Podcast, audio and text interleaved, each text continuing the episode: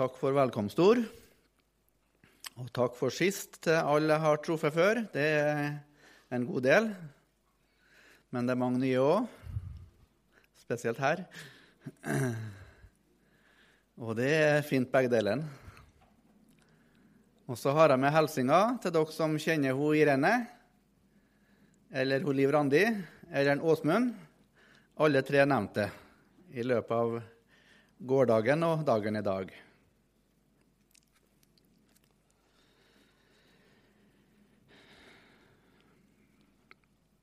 Jeg synes det er fint å komme til Fjellheim. Jeg har vært her mange ganger, og jeg har mange gode minner herfra. Eh, og en av de tingene som jeg syns er veldig fint med Fjellheim, det er at min fornemmelse det er at eh, her er det mange som er glad i å høre Guds ord. Det er mange som er glad i å lytte til Guds ord. Eh, og det er en eh, fin ting. Når jeg var en gutt, så samla jeg fugleegg. Det er vel forbudt, det nå, men det var ikke forbudt på 60-tallet. Så vi var ivrige, vi guttene i grenda. Vi var jo litt fornuftige oppi alt da. Vi eh, var enige om det at vi skulle ha ei fuglesamling for ja, felles, da. Så slapp alle å ta alle eggene. Og vi var veldig flinke med å ikke rane reir, men ta ett. Og mor likte ikke det. Hun var mer på Einar Skjæråsens linje. Du skal ikke røre reiret. Reiret er ei lita seng. Over spedbarn brer æla ut sin vare varme veng. Pipet i den minste strupe skal bli kvitring over eng. Der var mor. Vi syntes det var fint med egg, vi, ja.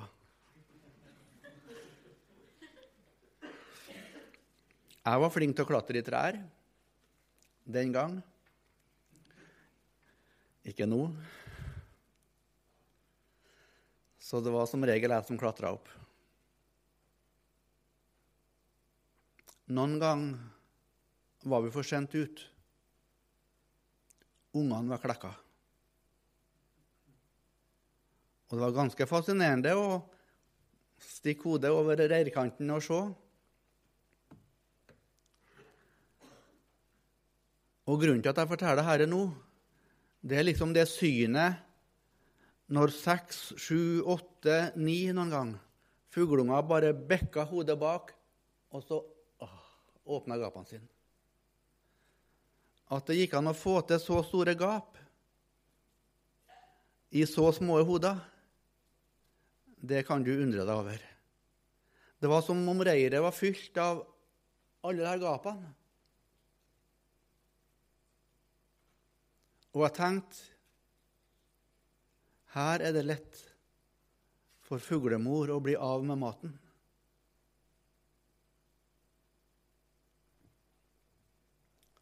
Det er ikke bestandig treåringen og sjuåringen rundt kveldsbordet er så lett å for å ta brødskiva og ta maten. Men fugleungene i de reirene jeg så, der var det mottagelighet. Og det er noen ganger når jeg står på en talerstolen, jeg har en fornemmelse at mange i forsamlinga er nettopp sånne åpne gap. Det er liksom bare å legge oppi. De vil svært gjerne ha. De sitter ikke med ei kritisk ånd, verken til meg eller til Gud. Men de vil bare ha påfyll ifra himmelen. Det står et litt sånn alvorlig ord som sier i ordspråkene. Det står 'den mette vraker honning'. Honning var jo liksom den ultimate mat. Toppen på, på, på sødme og, og velsignelse. Et land som flyter med melk og honning. sa Gud om Israels land. Men den mette vraker honning. Men så sa Jesus akkurat det motsatte. Salig den som hungrer og tørster etter rettferdighet. Og jeg merka begge tilstandene i mitt hjerte, i alle fall. Det er mange ganger jeg er så mett når jeg sitter med Bibelen. Det er så mange ganger jeg sitter på tilhørerstolen, og så er jeg mett når talen går opp. Det er så lite trang og behov. Så har kanskje du òg opplevd perioder at du, har, du, du, du er sulten. Du er sulten. Ja, kjære Jesus, takk for det vi har fått nå allerede i møtet. Takk for at du skal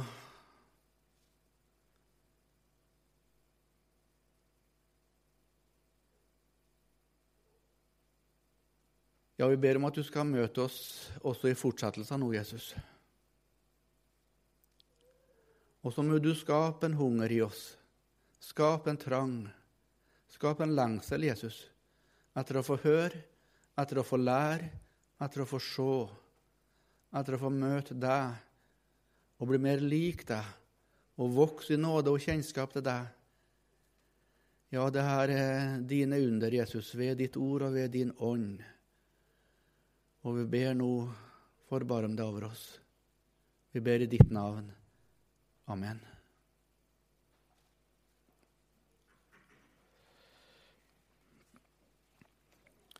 Det er satt opp et emne for denne uka her. Du vet det kanskje hva det er? Det var nevnt 'En kristen er annerledes'. En kristen er annerledes. Ja, det står ikke 'en kristen bør være annerledes'. De som bestemte emnet, de sa 'en kristen er annerledes'. Jeg liker mange ganger å dele opp sånne setninger og uttrykk og få oversikten ved å splitte opp. Jeg tror vi kan dele det, emnet der i tre. En kristen er annerledes.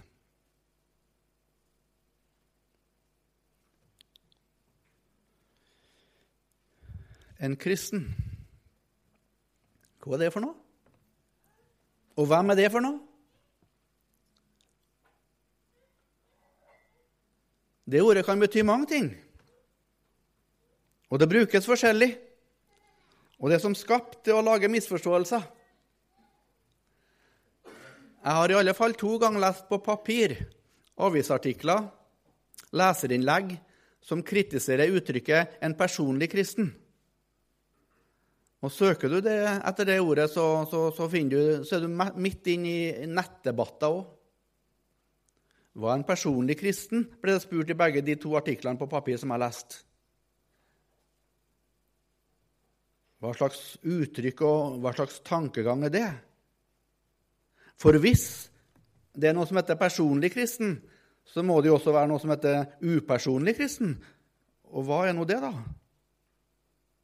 Er det noen kristne som er upersonlige? Det er jo en litt sånn flåsete omgang med norsk grammatikk og tro de at i alle sammenhenger så skal alle adjektiv bli det motsatte ved å sette en U foran. Det er jo ikke sånn.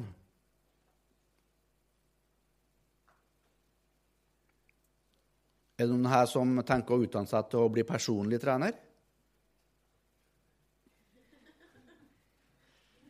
Det er jo et yrke som er liksom i skuddet nå, da. Per-Mathias Høgmo han er ikke en personlig trener. Han er trener for et lag. Men det vil ikke si at Per-Mathias Høgmo er en upersonlig trener. Selvfølgelig ikke.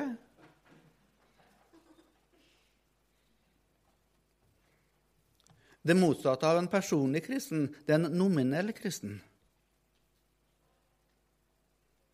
Og Noen ganger har jeg en sånn ekkel følelse når jeg leser sånne debatter og leser sånne innlegg, at det som skribentene egentlig har som agenda,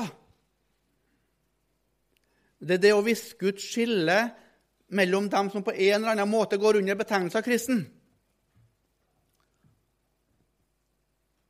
Og viske ut det sterke budskapet i Bibelen om at det er noe som heter en levende og en gjenfødt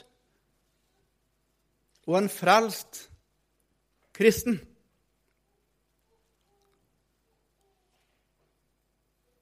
Ja, det er sant ja, at uttrykket 'personlig kristen' finnes ikke i Bibelen.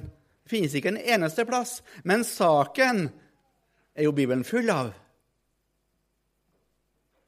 Det er jo det Jesus vil. At den kristne tro, at det kristne budskapet, at Jesu person og verk nettopp skal bli noe djupt, djupt personlig for oss. Skal vi slå opp i Salme 18?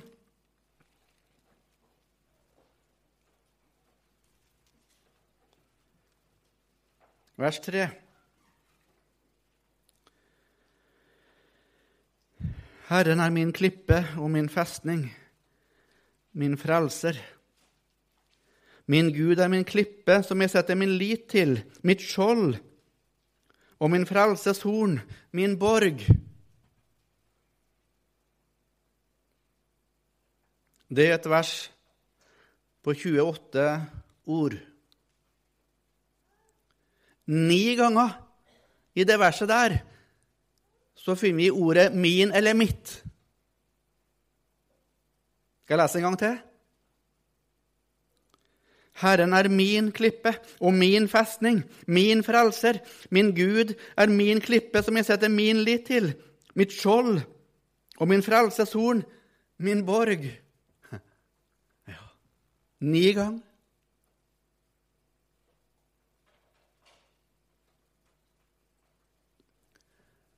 Nå skal jeg sette det på spissen.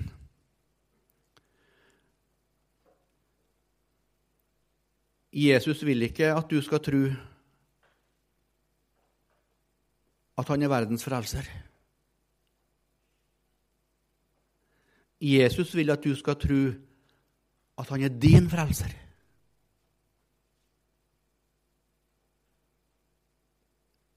Sånn sett døde ikke Jesus for verdens synd. Han døde for de synd. Det er det han vil, at budskapet skal bli ditt, personlig.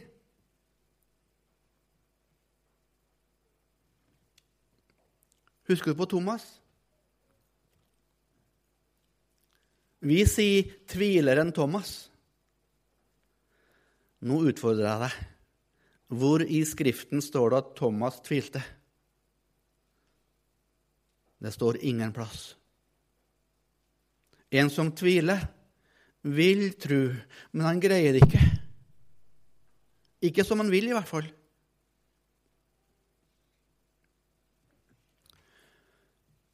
Men Thomas ville ikke tro. Han sa det rett ut. Hvis jeg ikke får stikke fingeren min inn i naglegapet, og hvis jeg ikke får stikke handa mi inn i såret i sida på Jesus, så vil jeg ikke tro. Ei uke etterpå så var disiplene igjen samla. Og den gangen var heldigvis Thomas med. Hvor i all verden var han den første søndagen etter oppstandelsen? Hvor var han hen? Det vet ikke vi, men heldigvis så var han i disippelfellesskapet helga etterpå. Og da kom Jesus. Og så fikk Thomas, han som var en vantru, han fikk spesialundervisning av Jesus. Og så sier Jesus til Thomas nå må du komme med fingeren din, og så må du komme med handa di. Og så må du stikke inn i naglegapene og stikke inn i sida mi. Og så må du være vantru, Thomas. Husker du hva Thomas sa da? Det er i Johannes 20, vers 27 og 28. Da sa han det mektige vitnesbyrdet. min Herre og min Gud. Nå var ikke teori lenger. Men nå hadde det kommet veldig, veldig nært for Thomas. Nå hadde han bokstavelig talt følt det med sine hender, sett det med sine øyne og i tillegg hørt det med sine ører. Det var så personlig og nært nå at han sa 'min Herre' og 'min Gud'. Det er det Jesus vil i ditt liv. At Jesus ikke skal være herre, men din herre. At Jesus ikke bare er Gud, men din Gud. Så nært og personlig som det kan bli.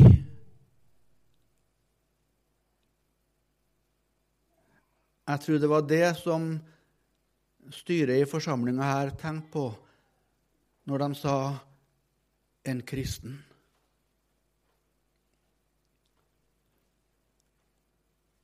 La du merke til hva vi sang nå i sangen før talen her? La meg få høre om Jesus. Skriv hvor da? Skriv hvor da? I mitt hjerte, ja hvert ord. Det er ei en fin bønn. Og det er det Jesus vil med ethvert møte. Det er det han vil hver gang du åpner boka her, at ordet skal gå helt inn i hjertet.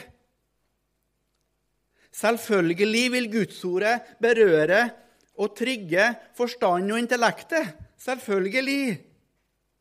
Det er ikke noe galt i det. Og Veldig ofte så vil jo Gudsordet og forkynnelser og bibellesninger gripe dine følelser. Det er ikke noe galt det heller. Vi er hele mennesker og skal få bli berørt med alt vårt. Men det må lenger enn til hjernen og intellektet. Det må lenger enn til følelsene. La meg få høre om Jesus. Skriv i mitt hjerte hvert ord. Og Hvordan er refrenget på sangen? Syng for meg sangen om Jesus. Syng den i sjelsdypet inn. Syng til, altså helt til hvert ord om min frelser gjenlyder dypt i mitt sinn. Ser du? Det begynner å, å vibre nå inni her, i takt med det du har hørt. Det blir en gjenklang og en samklang. Og du er djupt personlig berørt inn i sjelsdjupet og hjertedjupet. Det er det innerste i deg, det. Det er kommandosentralen, om du vil. Det er førersetet. Det er dit Guds hellige ånd vil legge ordet i ethvert møte, i enhver time, i ethvert bibelstudium. I Hebrebrevet.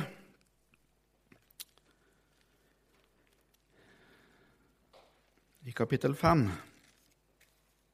nei, kapittel 4, står det sånn i vers 2.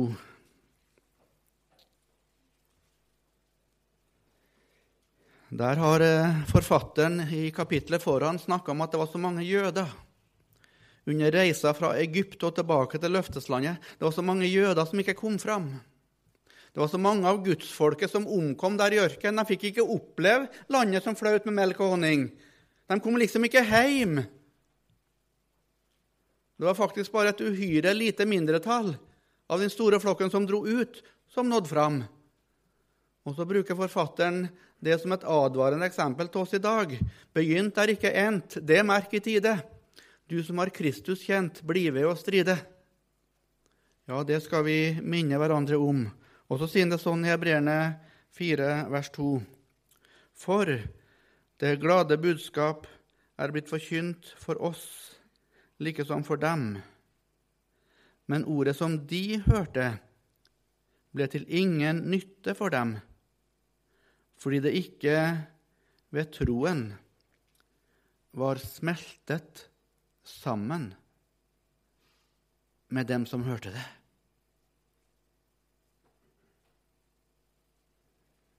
Det går altså godt an å høre ordet, lese ordet, studere ordet, men det blir liksom bare liggende på overflata. Det kommer liksom ikke inn. Det var noe på veien, sa Jesus. Noe av såkornet datt på veien. Der var det hardt. Det kom liksom ikke ned og inn i molla. Og så var det så lett for fuglene å finne det som lå oppå. Og så plukka de det bort, og så ble det ingen frukt. Men her snakkes det om at det går an at ordet smelter sammen med den som hører det. Skriv i mitt hjerte hvert ord. Det er djupt, djupt personlige.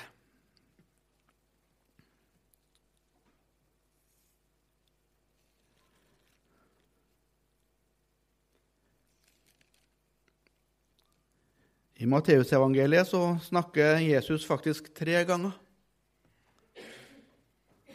om at den, den, den kristne trua og, og, og, alt det som har med, med, med, Gud og Guds rike å gjøre, det kan bli bare liggende på utsida av et menneske. Omtrent som ei skjorte, liksom. Skal vi slå opp de ordene? I Matteus 7 står det sånn i vers 15. Matteus 7, 15. Vokt dere for de falske profeter. De kommer til dere i fåreham, men innvendig er de glupske ulver. Ser du det? Det er noen som kommer altså under dekket av å være levende sauer og å ha Jesus som hyrde. Men det var altså bare en skinnfell. Det var bare skinn. De har kledd seg ut. Innvendig var de ikke sauer. Kristendommen var bare noe de hadde på utapå.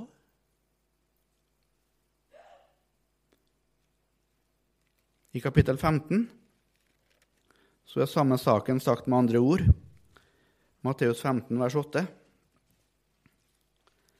Dette folk ærer meg med leppene, men deres hjerte er langt borte fra meg. Det er samme saken. Dette folk ærer meg med leppene, og det var ikke måte på æring. I sang og vitnesbyrd og tale men det var bare med leppene. Det var ikke noe inni. Det var ikke et hjerte som banka med. Det var ikke smelta sammen med deres indre. Det er ganske uhyggelig. Og i kapittel 23 og i vers 27 der er Jesus veldig dristig i billedbruken, syns jeg. Han snakker med den gruppa av jøder som egentlig tok det ytre sett mest alvorlig med sin gudstru, med fariseerne og de skriftlærde. Og så sier han det sånn i vers 27.: Ved dere skriftlærde og farisere, dere hyklere, som ligner kalkede graver, som utvendig er vakre å se til, men innvendig er fulle av dødningeben og all slags urenhet. Vi liker å stelle våre gravsted. Det gjorde også jødene for 2000 år siden.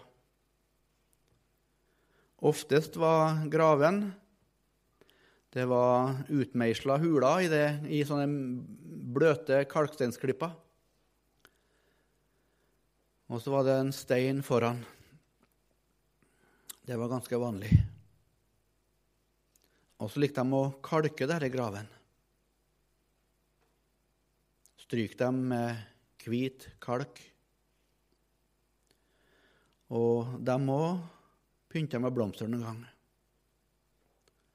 Og så sier Jesus at det er altså noen mennesker som ligner på sånne kalka graver. Det er ikke måte på hvor fine de ser ut, men innvendig så er det ikke noe god lukt. Det er egentlig råttent og litt ekkel stank.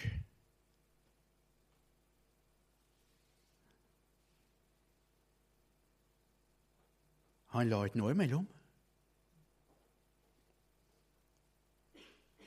Men det går an, altså, å være i foreham og bare ære Gud med leppene, og bare smøre på kalk på det som er død og fordervelse.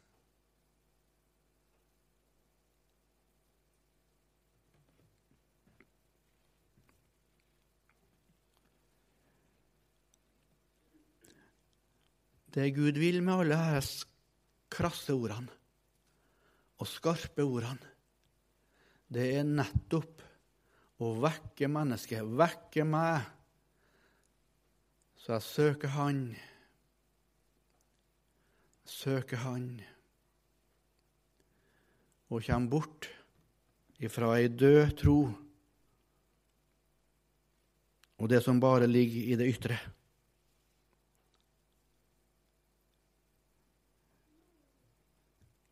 Jesus ville at ditt kristenliv skulle nettopp være levende og ekte.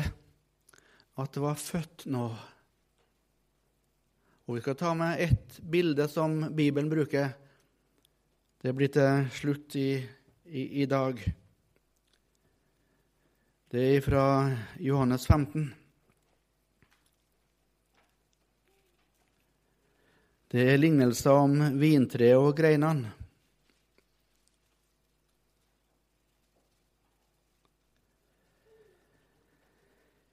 Vi skal lese vers 2 og vers 5. Hver grein på meg som ikke bærer frukt, tar han bort, og hver den som bærer frukt, renser han for at den skal bære mer frukt. Jeg er vintreet, dere er grenene. Den som blir i meg og jeg i ham, han bærer mye frukt, for uten meg kan dere intet gjøre.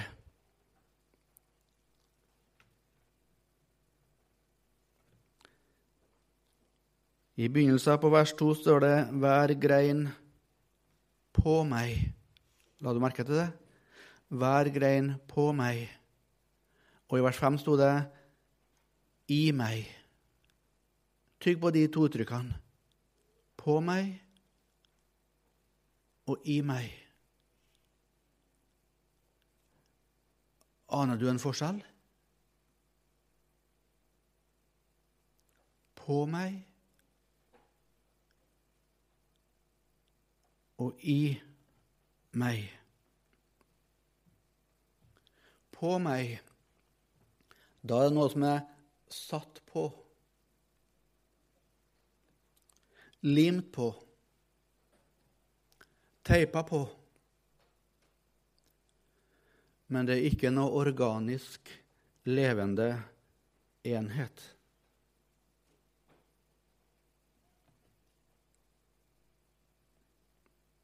Hjemme til oss var det en far som kjøpte hjorte. De var ikke så pene, de han kom inn med bestandig. Noen gang tok han fram båren, og så satte han på kunstige greiene der det mangla. På en måte var jo greina i, men jeg vil likevel si at den var på. Den var satt på, ikke poda inn.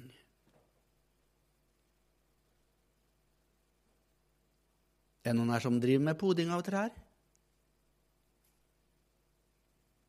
Noen fra Telemark eller Nordheimsund eller fruktbygda i Norge? Noen som har vært med på det?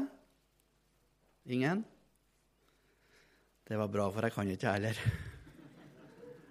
Men jeg leste om det, da. Teoretisk. Jeg har hørt det, at skal du pode ei grein inn på en stamme, da må du ha to blødende sår. Du må ha ett sår på stammen. Og så må du ha ett blødende sår på greina. På stammen må du skjære djupt, og det er en vanlig begynnerfeil at du ikke skjærer djupt nok. Der må kniven gå gjennom hele barklaget, og gjennom hele korklaget òg. Helt inn til det laget der sevjen flyter, der safta flyter, der blodet til treet flyter.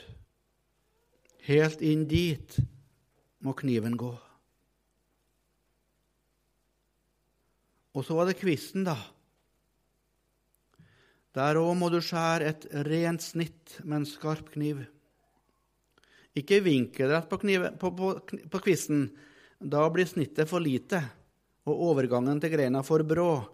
Det må være et sånn snitt som går på skrå. Så du får sånn oval sårflate, stor sårflate. Og så pipler sevjen fram der òg.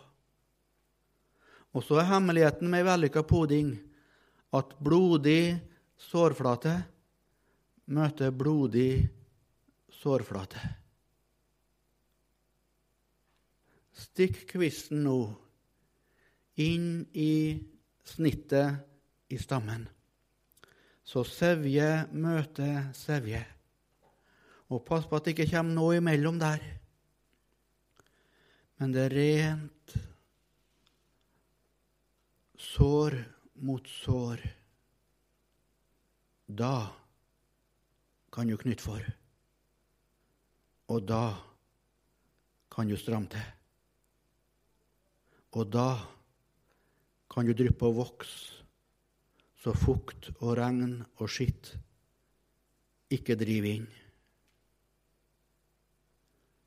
Hvis du gjør det sånn, så er sjansen stor for at det skal bli vellykka poding. Og da er det ikke et kunstig skille mellom stamme og grein lenger. De har fått vokse seg sammen og blitt ett. Og den rike sevjen fra rota går ut i greina og der gjør hun sin gjerning og lokker fram blar, blomster og frukt. Sånn er det å komme til Jesus. Det er når jeg med mitt blødende sår, når jeg med min angst, med mitt såra hjerte, med mine nederlag, med min synd, Alt det som har mislyktes i livet mitt. Alt. Alt. Jeg skal akkurat sånn som jeg er, få lov til å legge meg ned ved et kors. Ved hans sår. Han som bar mi synd. For han, han er såra nettopp for mine overtredelser. Han er knust for mi misgjerning. Straffa ble lagt på han for at jeg skulle ha fred, og ved hans sår har jeg fått legedom.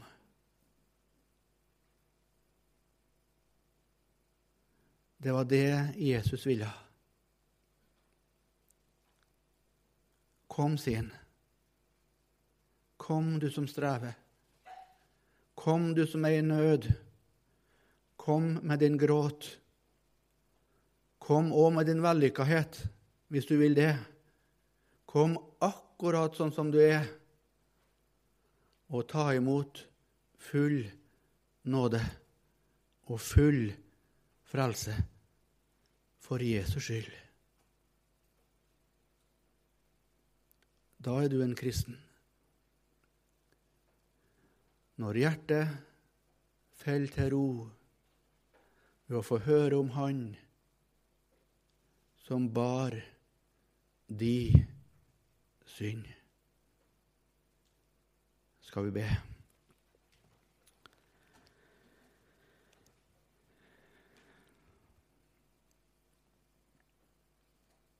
Jeg har lyst til å takke deg, Jesus, for at du kom, for at du ble menneske.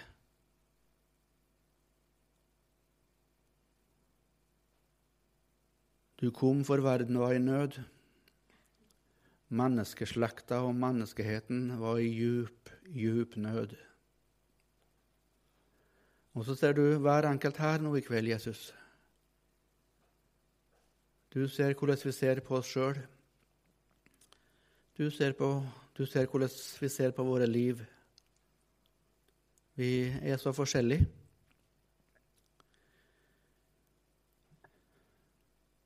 Men takk for at det er rom. Takk for at det er rom hos deg, Jesus. Og rom ved ditt kors. Og takk for at du er rik nok for alle som kaller på deg. Og Nå ber jeg enkelt om det, Jesus, at du skal få din vei og vilje med oss alle sammen. Deg til ære og oss til eviggaven. Vi ber ikke om noe mindre, Jesus. Amen.